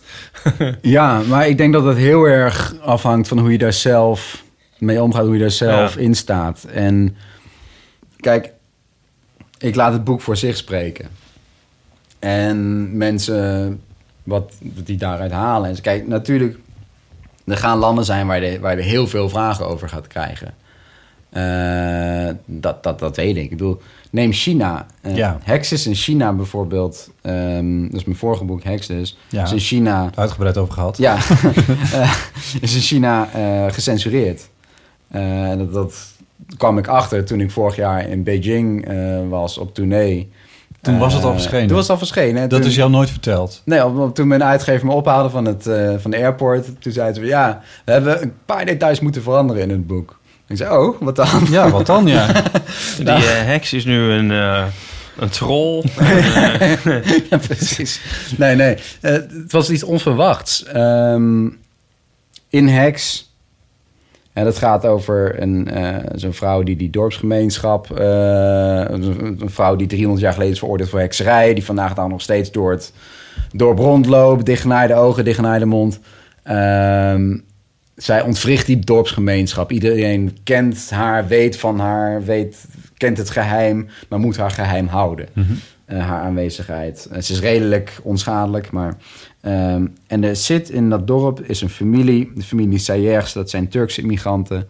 eh, en die zijn islamitisch. En eh, op een gegeven moment gaat het mis in het dorp... en dan worden zij gescapegoat voor wat een als zondebok eh, gesteld door het dorp. Eh, het feit dat ze islamitisch zijn... mocht niet worden genoemd in China. En ik vroeg waarom dan niet? Nou ja, zeiden ze, want we hebben erg veel eh, gerommel in het, in het eh, westen. We hebben de grens met Afghanistan, de Karakoram Mountain Range. eh, met bevolkingsgroepen en zo. En ik denk, ja, daar gaat niemand mijn boek lezen. Maar, nee, maar de Chinese regering die publiceert dus elk jaar een lijst van onderwerpen waar je niet over mag publiceren. En doe je dat toch, dan worden al die boeken uit de schappen getrokken en vernietigd. Dus je moet je als uitgever eraan houden. Juist. Want het komt sowieso uit. Dat soort dingen. Zo is China. Dus ja, over religie bijvoorbeeld eh, mag maar heel weinig worden genoemd. Ja. Dus het feit dat dat een moslimfamilie was, mocht niet worden genoemd. Nou ja, het is een klein detail wat voor de loop van het boek verder niet toe, niet heel erg Maar je hoort dat deed. pas achteraf. Ik hoorde het achteraf, ja. Want het is natuurlijk super moeilijk om, denk ik... Ja, had, had dat gekund? Hoe gaat, wordt Echo dan ook vertaald nu in het Chinees? Ze zijn nu bezig met die rechten, met onderhandelingen en zo. Dus ik ben heel benieuwd hoe dat... Kan je dan dat- iets, kan je ook eisen stellen, zeg maar? Oh, absoluut. Dat, dat denk ik wel. Kijk, als dat een issue is, dan, dan, ja, dan weet ik niet of het gaat werken, inderdaad. En dat verwijst naar dat twee mannen met elkaar een relatie hebben. Ja. ja. Ja. Dus in China opeens gewoon goede vrienden zijn. Dan, eh, dan werkt het verhaal Nee. niet in dit geval. Dus, dus nee, Ja, dat- maar wacht. dat- dus vind je het dan erg dat het verhaal niet werkt? Of vind je het erg dat het, dat, dat, dat het, niet, dat het niet twee homo's kunnen voorkomen in een boek in China? Het eerste, hè? Maar het gaat mij meer om mijn... ik, kijk, dat, dat, ik, ik- heb niet per se een activistische boodschap. Maar ehm, ik hou van dit verhaal en ik hou van deze personages. En op dat vlak zou ik niet zomaar toestaan dat ze dingen gaan veranderen daarin. Nee. Als, als, als Turkije of Rusland, waar Hex ook is verschenen... als die aan mij vragen van, nou ja, wij willen het kopen... alleen dan moet Sam moet Samantha worden... ehm, en dat het een hetero-relatie wordt... ja, dan, dan, dan is het antwoord nee. Ik ga, kijk, want mijn Britse uitgever... die vroeg namelijk de eerste keer dat hij zei van... ja, de British are bloody conservative. Die, die zei tegen me van ja... Je hebt in Hex heb je een heel eh, dorpslocatie veranderd naar Amerika. In theorie zou je een personage kunnen veranderen naar een vrouw. Maar dat, dat wil ik niet doen. En dat, dat zei ik hem ook wel. En Ja. kijk, voor de Britten maakt het uiteindelijk helemaal niet uit. Maar misschien voor sommige andere Ja, landen wel. Dit hebben het Spannend uitgevonden. worden, ja. Ja, dat is best wel spannend. Ja, Ja, ja. maar dat vind je dus ook wel leuk eigenlijk. Dat, dat, eh, Nou ja, kijk. Uiteindelijk, je, moet, je moet natuurlijk voor jezelf bepalen waar leg je de grens, wanneer, mag, wanneer laat je iets wel of niet toe, een verandering Ja. in een boek. En in China had ik niet verwacht, maar, of niet, niet rekening mee gehouden.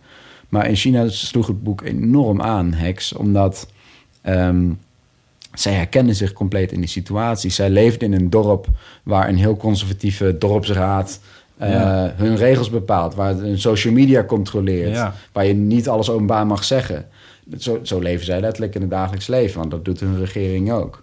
En in die zin had het dus een heel onverwacht raakvlak met heel China. En daardoor is het boek daar Ah, behoorlijk ja. groot geworden. Ehm, met die kleine verandering erin dan. Ja, dat vind ik dan niet zo erg. Nee. Nu we het toch over eh heks en veranderingen hebben. Oh, dat ik de vraag van Jonica ja, doen? doe maar even. Ja, Janneke Smeets, die heeft Oh, een, wat eh, leuk. had een vraag aan jou. Eh, ja. Ja, je hebt dit eigenlijk al even aangestipt. Ehm, mijn vraag is, zegt Jonica... waarom sommige scènes in de tweede versie van Hex zijn gesneuveld. Eh, in de originele Nederlandse versie zat iets met een waterrat... waarvan ik lang nachtmerries had.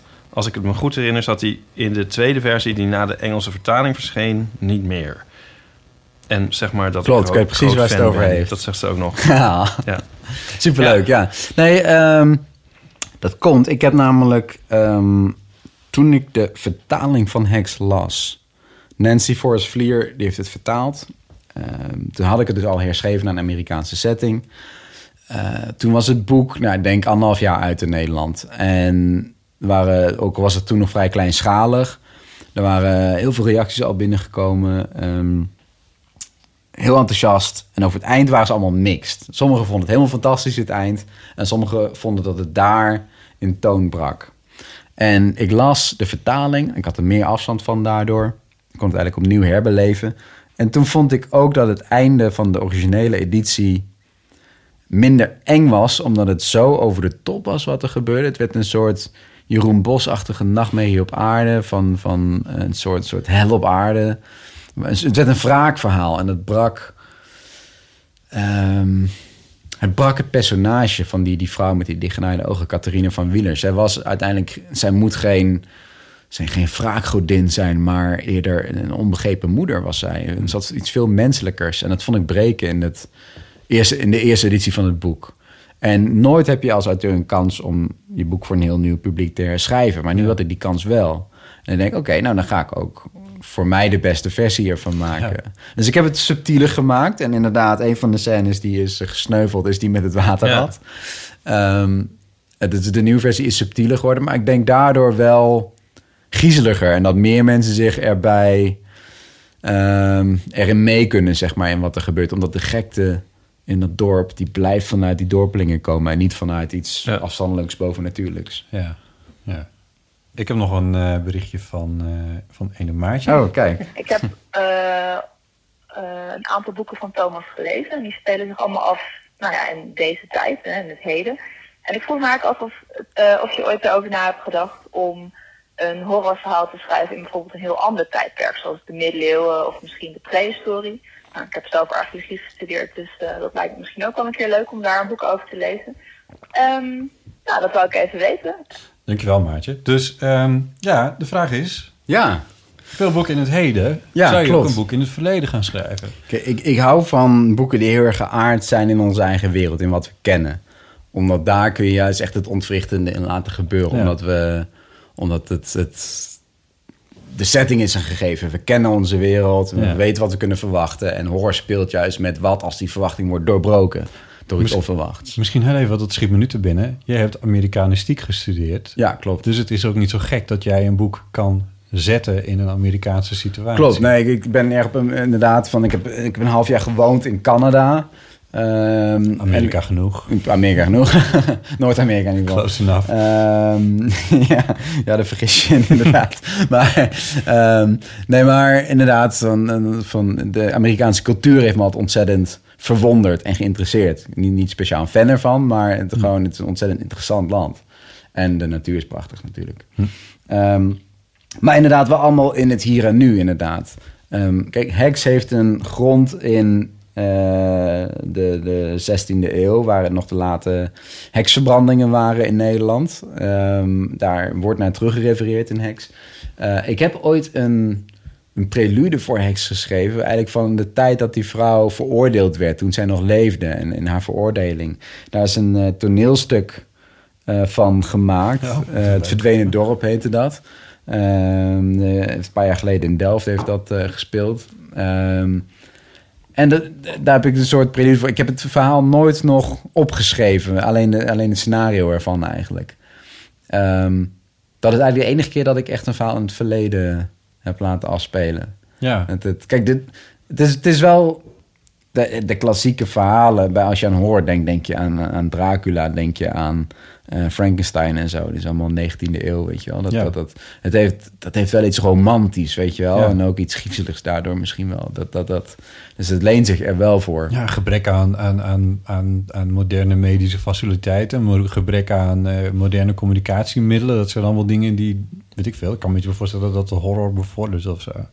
Ja, terwijl ehm, ik ben juist ook wel van de stempel die juist... Want, want er zijn veel argumenten voor dat ze eigenlijk sinds allemaal mobiele telefoon en, eh, en, en, en, en tablets hebben en zo... is het niet zo interessant meer, want we zijn nooit meer in een situatie waar we op onszelf zijn aangewezen. Ja.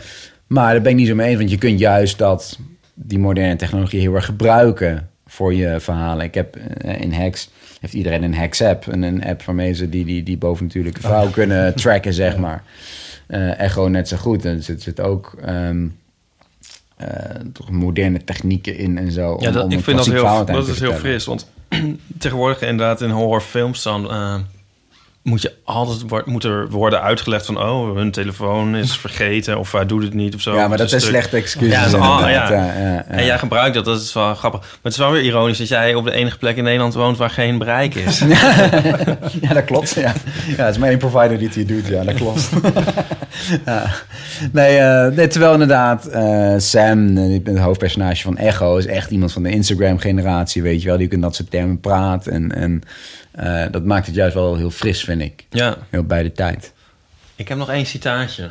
Ja, mag ik nog één ding vragen Oh, over, over het, ja. iets schrijven in de historie? Want dat is natuurlijk wel leuk dat Maartje eh, archeologie heeft gestudeerd. Ja, Jij kon een boek in een Amerikaanse setting zetten. Nou ja, niet alleen daardoor, maar ook omdat je Amerikanistiek hebt gestudeerd. ja. Dus eh, het, vergt het niet ook heel veel studie om een boek een paar eeuwen terug te kunnen zetten? Oh, dat, dat, dat weet ik wel zeker, ja. Ja, nee, ja. Kijk, en, die studie, dat kun je, hè, als je het hebt gestudeerd, heb je daar natuurlijk heel veel voordeel van. Eh, Als je heel veel historische romans leest, weet je wel, kun je ook je inspiratie in opdoen natuurlijk. Dus dingen kunnen wel, maar het, natuurlijk, het, is ontzettend ingewikkeld. Kijk, ik ben de laatste die zal zeggen dat je niet moet schrijven over wat je eh, niet zo heel erg naast staat, zeg maar. Want dat, dat doe ik zelf ook. Want dan, hè, van, schrijf ook over het boven natuurlijk en dat overkomt mezelf in het echte leven ook niet. Nee. Maar ehm, weet je, dat is een beetje. Uiteindelijk raakt het een beetje de vraag van in hoeverre kun je over iets schrijven wat ver van je afstaat. Ja. Ehm, Of het nou in tijd of in plek is. ja, ik heb in Amerika wel eens eh, op korte, korte fictie die ik heb gepubliceerd. Die werden op een gegeven moment genomineerd voor een, voor een grote prijs. Dus ik kreeg veel aandacht. Er was ook een controverse rondom die prijs met ehm, eh, een soort conservatieve eh, right-wing groep die die prijs probeerde te kapen om hun eigen soort conservatieve verhalen te gaan pushen en zo. Dat is heel vreemd allemaal. Maar eh, daardoor kreeg ze heel veel aandacht, al die, die verhalen die werden genomineerd. En, en was de vraag, kan ik als westerling... En het- een van die verhalen ging, speelde zich in Thailand af. Over boeddhisme ging dat. Ehm, kan ik als westerling wel over die cultuur schrijven? Ja. Of kan ik als man wel over vrouwen schrijven? Of wat dan ook, weet Ja. je wel? Van als je het te ver doorvoert, die gedachte, dan... ehm, dat is niet goed. Want uiteindelijk, hè, als schrijver is het je, je werk om je te verplaatsen in de ander. Of die ander nou een man of vrouw of kleur of niet, wat, Ja. wat dan ook. Weet je wel, gewoon Ja. van homo, hetero, dat moet gewoon kunnen, vind ik. Ja. Ipe, wat zou je zeggen? Ik wou een eh, citaat eh, voorlezen. Uit. Echo. De vloek van knap zijn is dat het belangrijk voor je wordt. Ja, Discuss. nou ja. ehm, Wie zegt het in Echo? Ja, ik denk ook weer... de Sam zeker- schrijft dat over Nick. Over Nick, ja. Ja, ja, Niet ja. Nick over Ja, zichzelf. ja. Nee, en Nick is ja. de klimmer inderdaad. Hij Ja. raakt verminkt. Hij was heel En- knap, of was in ieder geval... Ja, het, het was echt een sportieve gast, weet je wel. Knappe jongen, gewoon heel, heel levendig. En, en, en eh, raakt zwaar verminkt in zijn gezicht. Draagt dan een masker van verband. En vanaf dat punt zitten we eigenlijk in het hoofd van Sam, zijn vriend. Die jonger is, 24 is die. Ehm, Amerikaanse jongen die eh, in Nederland studeert, spreekt Nederlands, grotendeels. Ehm, en heeft drie jaar een relatie met hem, maar worstelt dan met het, wat, wat zit er onder dat masker? Ehm, iedereen kent dat wel van zichzelf. Als je een relatie hebt, denk je van... We blijven altijd bij elkaar. Hè? Ook, ook als ik verminkt raak of als ik verlamd raak... of als ik in een rolstoel kom of wat dan ook. Tuurlijk, we laten elkaar nooit alleen enzovoort.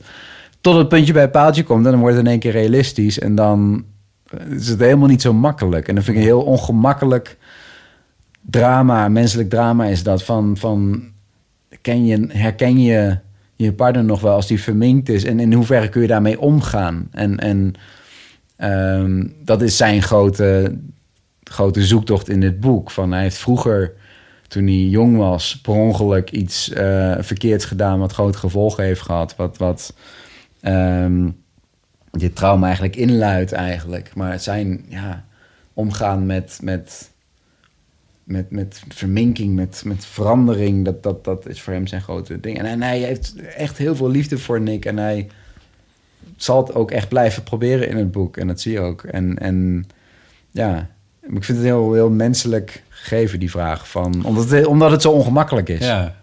En daar hou ik van. Ik hou van die ongemakkelijke vragen. Van, hè, in Hex wordt die vader de vraag gesteld van... als je moest kiezen, wie zou je eerder Maar het, eh, het- laten in- sterven, in- een in- heel dorp of, of je eigen zoon. Ja. Ah, ja, ja. dat zijn van die na- morele dilemma's. Maar, de, maar hier is natuurlijk vraag van Sam. Maar Sam kan het misschien wel accepteren van Nick. Maar, maar Sam zegt van het is voor Nick zelf ook belangrijk. Ja, dat, dat klopt. Ja. Ehm, dat, de- en dat denk ik wel. En ik denk dat, dat onze generatie, een Instagram-generatie en zo, dat natuurlijk nog veel, misschien wel sterker heeft dan eh, vroeger. Gewoon van, omdat je, we moeten allemaal voldoen aan een bepaald beeld over onszelf en, en over hè, van wat we. eh, wat in social media van ons verwacht wordt en zo. En, en, en, en het zijn vaak heel onrealistische beelden waar je nooit aan kunt voldoen. Nou ja, je kent de discussie. Ehm, en ik geloof heel erg dat, dat, dat ehm, mensen daarmee worstelen. Of het nou is met inderdaad eh, ineens. Hè, op een gegeven moment, hij schrijft ook van eh, over de zwaartekracht. Je hebt twee soorten zwaartekracht. Eigenlijk diegene die heel langzaam je gezicht laat, laat Oh ja. zakken. Of deze die meteen als een bom inslaat. Ja. En ehm, ouder worden. Hè, en dat, veel mensen hebben daar moeite mee. Van je wordt ouder. Ja, je ziet er niet meer zo strak uit als vroeger. Je krijgt rimpels, je krijgt... eh, je huid gaat zakken, weet je wel. Van, ehm, en het wordt allemaal... Het is gewoon algemeen menselijk drama natuurlijk, weet je wel. Van, maar, Ja. Maar ik noem het een beetje omdat het bij elke... Als, als er over jou geschreven wordt, dan wordt altijd gezegd... In de auto zat Iets jij gezegd nog, over jouw uiterlijk. zat je nog Dat een stuk, jij of drie, een stuk of drie interviews in de auto die je erbij haalde. En alle drie kwam weer dat woord boyband kwam weer naar ja. ja, nee, ja, je ervan. Ja. Je- ik ben inmiddels 36. en ehm, ik weet wel dat toen ik... ehm, ja, ik was, ik was 24, kwam een eh debuut bij Leiding Seithof uit. Was mijn derde boek was dat dan, weet je wel. Ehm, ja, toen, toen was dat heel erg zo van... Toen gebruikte ze dat heel zo van... eh, zo jong en, en, en, en, nou ja, de boyband look inderdaad. Ik had, had mijn Justin Bieber-achtige haar en zo. Nou ja, eh, ik had het eerder dan hij. Maar... Eat that, Justin. Precies. Eh, nee, ja, weet je wel, dat het gebruiken uitgevers. En, en, en, maar goed, ben nou inmiddels 36. Maar ja, ik heb wel iets jongs over me heen, dat weet ik wel. Van, van, ik zie er jonger uit over het algemeen dan dat mensen me inschatten. Ik was, toen ik drie jaar geleden op tournee was in Amerika... moest ik ook nog een keer mijn ID laten zien bij een restaurant. Of ik eh, Of je alcohol, alcohol mocht bestellen of niet. Ja, ja. nou ja. Eh, Daar gaat het over 21 trouwens, hè? niet over 18. dat is waar. Ja. Ehm, ja. Nevertheless, het is waar, ja, het klopt. Je, ja, ja, ja. Maar het stoort jou niet. Ik haal Je gaat niet als straks bij, bij in Nee, boybands gaan mensen na een tijdje een baard laten staan... als ze niet meer willen dat het over hun uiterlijk gaat... maar dat ze serieus worden genomen. Maar, Nee, nee, weet je wat het, is, wat het is? Mij gaat het uiteindelijk... Ik wil, dat, ik wil lezers bereiken. Ik, Ja. wil, ik wil een verhaal vertellen. En een verhaal is pas echt een verhaal wanneer het wordt gelezen. Ik vind dat die wisselwerking tussen mij als schrijver en jij als lezer vind ik heel mooi. Omdat ik, ik schrijf iets en dan is het van mij. Maar dan publiceer ik het en dan is het van jou. En in jouw hoofd ziet het heel anders uit dan bij mij. En toch weet ik bepaalde gevoelens in jou op te roepen. En, en ehm, ik hou van het soort verhalen die je ook echt raken. Dat soort verhalen die echt laten lachen. Of die je aan het huilen maken, of die je bang maken. En dat is wat dit soort fictie doet. Je moet je emoties raken. En ehm, daar gaat het mij om. En uiteindelijk, hè, vroeger hoorde ik wel eens, eh, als ik op een evenement stond en ik had een heel lange rij met vrij jonge meisjes die voor mij stonden om een boek te, te krijgen. Van ja, die, die koop ik puur gewoon van wie je bent of wat dan ook. Maar inmiddels is dat niet zo meer, denk ik, geloof ik. Maar eh, van, van, weet je, van, het is mainstream geworden nou, zeg maar. En het is, eh, mensen kopen het boek vanwege het verhaal. En omdat ze het verhaal goed vinden. Ja. En daar gaat het uiteindelijk om. En dat het dan in de krant staat, stoort dat je nog? Nee. Ze doen maar. Nou, of Ja. misschien vind je het wel leuk, dat kan ook. Dat kan ook natuurlijk. Nou, nee, nee, dat is het ook niet. Van, ehm, maar het gaat er me uiteindelijk om van... weet ik lezers... weten lezers het boek te vinden. Ja. En ehm, natuurlijk een, een, een, een artikel, een recensie, een tv-optreden... Dat, dat helpt allemaal. Vooral tv-optreden is natuurlijk meer dan recensies en artikelen tegenwoordig. Maar ehm, ja, dat, dat, uiteindelijk wil ik die lezers raken. Ja. En, en is, vind ik het net zo vet om...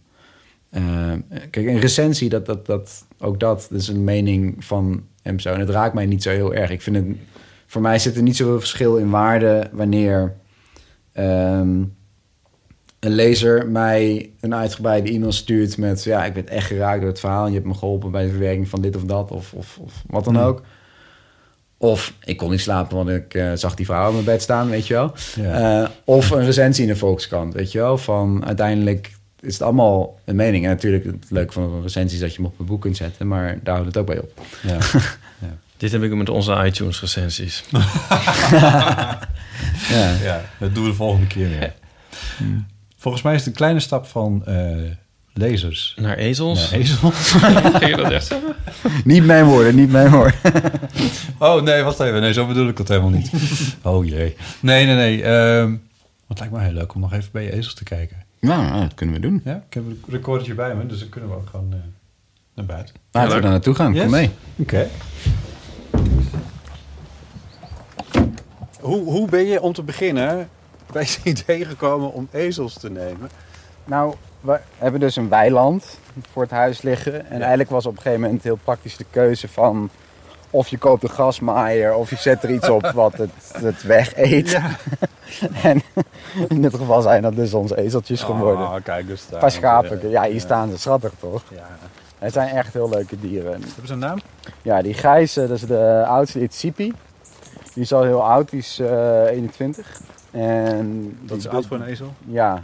Nou, ze kunnen 35 worden, dus eh, hij kan nog wel een tijdje mee. En die donkere, die heet eh, Luna. Luna. En zij is eh, anderhalf nu, denk ik. En er stonden eerst twee ponies ook in de wei. En Sipi, die moest het niet zo op die ponies hebben, dus het was altijd ruzie. Is hij dan een beetje een puber of voor een ezel? Lu- Luna. Luna, sorry. Ehm, ja, het is wel, het is wel, het is wel pittig. Ja. Zo, als, eh, als ze eet, moet je ook niet te dicht erbij komen, want dan is ze heel beschermend. Dan gaat ze ook trappen en zo. Oh ja, nou, dat is. Maar Sipi is echt een schatje. Kijk eens. Hij is heel zacht. Mooie oogjes. Vindt aandacht vindt hij heel erg leuk. Hallo. En soms zet ik wel eens gewoon een, een stoel in het weiland. Hier ga ik een boek lezen of zo. En dan komt Sipi er gewoon naast staan. Oh echt? Ja, ja is echt heel erg eh, trouwe kuddedieren zijn het eigenlijk. Ja, natuurlijk. Ja. Wat een mooi dier. ja, toch? We zitten midden in de natuur, dames en heren. Die, eh het vliegtuig. Dat, dat monteren we er wel uit. Jij weer. Ja. Wat leuk zeg. Mogen ze ook wel eens in huis? Nee, nee sterker nog, eh, ze zijn erg territoriumvast. Maar ehm, het, wat, soms als je het hek open laat staan, dan, dan loopt hij wel eens de tuin in en dan gaat hij van het gezond eten. En dus het, dan is hij ook helemaal verdwaasd om zich heen aan het kijken. Ja, waar ben ik? Dan, dan verzet hij ook geen poot meer op een gegeven moment. Nee. Dan loopt hij zichzelf vast eigenlijk. Er is een foutmelding. Dan, eh, Hij is helemaal doorweekt echt. Je kan er echt uitwringen. Ja, ja, nee, ja. Dus dat ik is ga de- niet in een, eh, in een schuur. Ja, ze hebben een stalletje, maar... eh Het nee, regent een beetje, hè, voordat iedereen denkt dat, eh, dat eh, zweet of zo, weet ik veel. Maar, Oh ja, het regent. Ja, het regent vanavond een tenminste. Even. Ja, het drupt. Ja. Ja. Ja, Nee, ja, als het echt eh, harder gaat regenen, gaan ze wel naar binnen meestal. Maar- Dat is heel, heel, heel rustig, hè? Ja, heel kalm op deze. Ja. Dat- Nou ja, s ochtends vroeg denk je er anders over. Dan gaan ze, eh, als ze niet op tijd eten krijgen, op het moment dat het gas te laag is, dan gaan ze protesteren. Ja. Eh, en dan, kun, dan klinkt het echt alsof een soort misthoorn afgaat. Het, eh, ja, de buren hebben nog nooit geklaagd, maar goed, die wonen ook heel ver weg. Dus. Dit is Sipia, dat is Luna. Ja, Ja. Kunnen we die op de foto krijgen, denk je? Kunnen we een, eh, kunnen we, kunnen we een groepsfoto proberen? Hier op de foto. Kijk nou, mooie foto. Ja, wel leuk. Hey, eh, Thomas? mee, eh? Ja, precies. Je wil er even mee naar huis zijn. Ja, die mag je wel meenemen. Dankjewel voor, eh, voor de fijne ontvangst hier. Op, Ja. je, op je bos, in je boshuis. ja, ja, het is echt lekker hier. eh. Bij de ezels. En dank voor het leuke gesprek. Ja, jullie bedankt.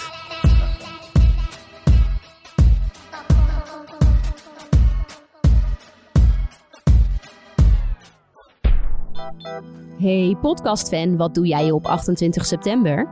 Kom naar het Podcastfestival. Een dag vol workshops, liveshows, panelgesprekken en nog zoveel meer. Wereldberoemd podcastproducer Tim Howard van Reply All geeft een keynote en je kan meedoen met een pitchwedstrijd. Stuur jouw podcastidee voor 20 september in en wie weet maak jij binnenkort je droom waar. Kom op 28 september naar de Tolhuistuin in Amsterdam. Meer weten? Kijk op podcastfestival.nl.